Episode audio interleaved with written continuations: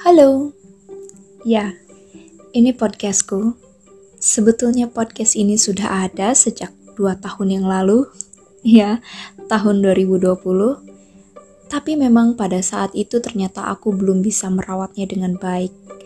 Secara alasan dan tujuan kenapa aku membuat podcast pada saat itu belum bisa aku ketahui dan aku mengerti secara matang sehingga membuat aku tidak bisa menikmati setiap prosesnya dan terjadilah kemogokan itu. Dan ya, ketika kita gagal menikmati setiap hal yang kita lakukan, itu akan berujung pada kemalasan, bahkan stuck in that moment. Dari sana pun aku belajar bahwa segala hal yang ingin dan akan aku lakukan, aku harus betul-betul memahami reason dan value di baliknya agar aku bisa merasakan keautentikan diriku sendiri di sana. Nah, hari ini dengan uh, sudut pandang yang baru, keyakinan yang gak ragu-ragu, aku memutuskan untuk kembali mengaktifkan podcastku ini sebab aku membutuhkan sebuah ruang untuk bisa bercakap tentang apa saja sesuatu yang secara sembarangan terpikir di kepala, yang dari sana menampilkan sekelumit perasaan dan insight-insight baru yang ditemukan. Semua itu akan terkemas mungkin dalam bentuk cerita, opini, dan lainnya. Kemudian sepertinya podcastku ini akan terkesan menjadi podcast suka-suka saya. di mana aku menjalankannya dengan bebas tanpa harus memaksa diriku untuk mengikuti suatu pola tertentu. Aku memilih untuk membiarkan prosesnya mengalir selonggar mungkin yang dari sana akan membentuk pola dan arusnya sendiri. Yang meskipun absurd tapi sejauh aku bisa menikmatinya, maka akan menjadi mudah juga untuk aku mencintainya kenikmatan yang berhasil dibangun dalam setiap proses itu akan menciptakan konsistensi. Ya, ketemu kan? Itu yang penting, konsistensi. Kenapa aku menceritakan kemogokan dan keteraktifan kembali podcastku ini?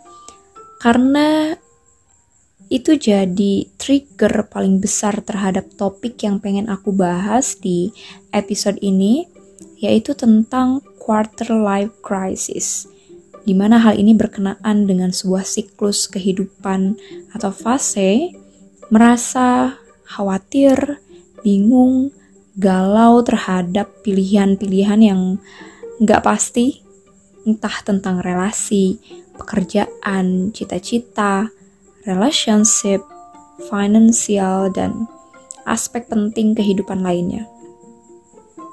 Fase Quarter life crisis ini terjadi di usia awal 20 sampai 30-an. Salah satu contoh krisis yang aku sadari, that is my real crisis itu ya dalam pembentukan podcast ini. Waktu itu yang aku tahu adalah aku menyukai aktivitas storytelling dan ya udah sampai di sana aja. Selebihnya aku kebingungan, apakah kesukaanku pada storytelling itu adalah hal baik yang dapat menunjang aku untuk berprogres atau cuma wasting time doang karena sebetulnya ada kompetensi lain dalam diriku yang uh, lebih worth it tapi aku tidak menyadarinya. Aku juga bingung bagaimana idealnya dalam mengubah kesukaan menjadi sebuah karya. Setiap episode ke episode lainnya aku bertanya-tanya, apakah semua ini tuh dapat aku klaim sebagai sebuah pencapaian? Kalau iya, apa hasilnya? Kalau enggak, apa yang menjadi kekurangan hingga semua itu menjadi omong kosong saja?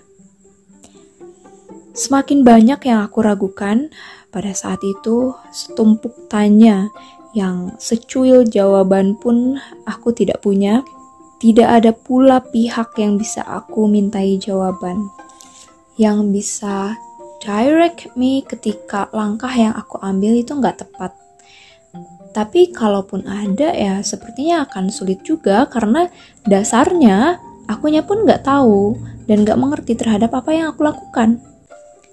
Kegalauan itu bikin aku nggak mau mundur, tapi nggak bisa maju juga, alias stuck. Dan siklus seperti itulah yang mungkin sangat akrab terasa ketika kita ada di fase quarter life crisis ini. But anyway, tentang khawatir dan galau itu kan akibat dari ketidakpastian yang kita hadapi. Nah, aku berpikir, bukankah hidup memang berisi ketidakpastian? Rencana hanyalah siasat, karena apa yang terjadi saat ini adalah apa yang memang bisa kita lakukan pada saat ini. Itu saja. Ya karena sejatinya kita nggak pernah tahu besok lusa akan ada apa dan akan bagaimana. Namun yang membuat semua ini disebut krisis adalah karena kekhawatiran tersebut merupakan siklus. Siklus di mana orang yang berusia 20-30an itu cenderung belum memiliki kontrol yang baik terhadap segala emosi. Apalagi di umur segitu, ibaratnya kita baru dipertemukan dengan fakta hidup yang sebenarnya. Transisi dari masa remaja yang terbiasa berpikir, merasa, dan bertindak di bawah kontrol orang lain, entah itu orang tua, masyarakat, adat, pergaulan, aturan, dan sebagainya yang kita yakini bahwa itulah ketepatan-ketepatan yang memang sudah seharusnya kita lakoni. Tapi itu berubah ketika si remaja beranjak dewasa. Dia mulai mempertanyakan, mulai punya keraguan, mulai berani protes. Padahal yang masih eksis tapi menurutnya sudah tidak relevan lagi. Dia mulai mencari jawaban-jawaban itu.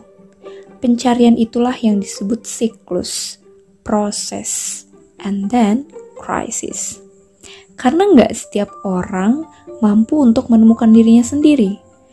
Banyak yang berhenti di tengah pencariannya sebab dia nggak bisa sabar, nggak berani untuk ambil risiko, alias dia hanya bertualang di zona nyamannya saja. Dan yang namanya mencari, kadang kita bertemu alamat yang salah, orang yang salah, bahkan penipu, bertemu waktu-waktu yang gak tepat, menghadapi segala risiko yang mungkin terjadi. Dan menurutku pada fase krisis itu, kita akan terus dicekoki yang namanya kecewa.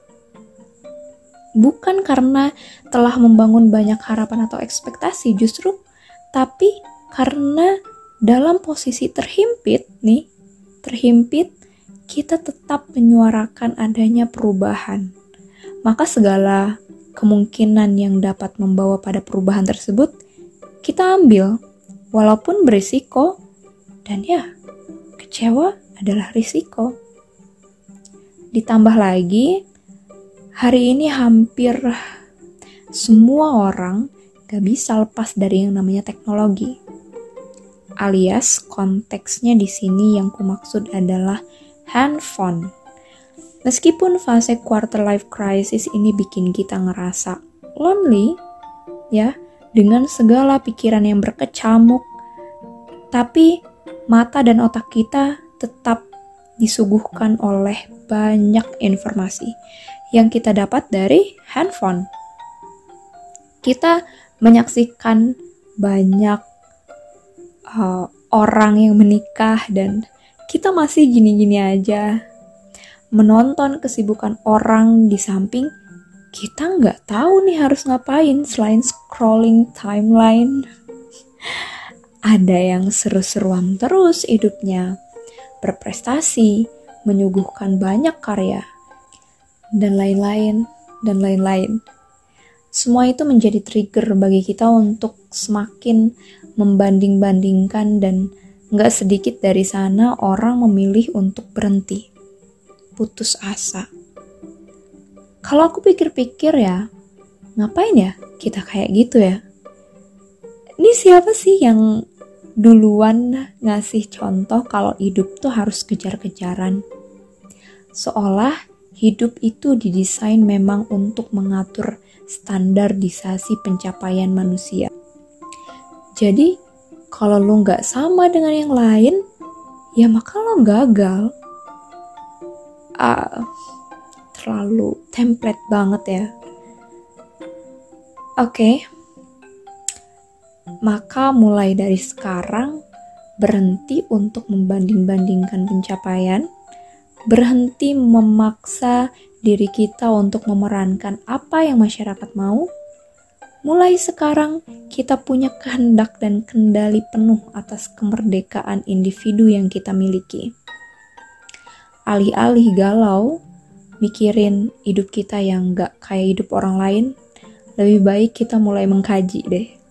Siapa sebetulnya diri kita, bagaimana kita berpikir dan merasa, upaya apa yang perlu kita cari untuk mengurus segala kekurangan dan kelebihan kita, apa yang kita suka, apa yang kita butuh, bagaimana kondisi mentalmu, bagaimana kita memandang dunia, menilai sekitar, dan masih banyak lagi karena diri kita itu merupakan struktur yang besar loh, yang rumit dan kompleks. Dan sebelum ke mana-mana, you have to know yourself first. ah, ntar deh. Ini kayaknya perlu dibikin di episode lain deh.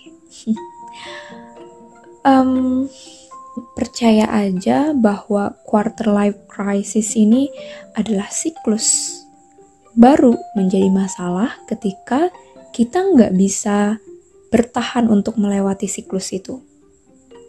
Kebertahanan itu dibentuk dengan value-value berharga yang kita bangun, prinsip-prinsip tegas yang kita pegang, sehingga kita memiliki pendapat, insight untuk memilih, untuk mengambil keputusan, untuk bersikap, tetap berdiri meskipun kendali di luar itu sangat berusaha mendistraksimu agar goyah.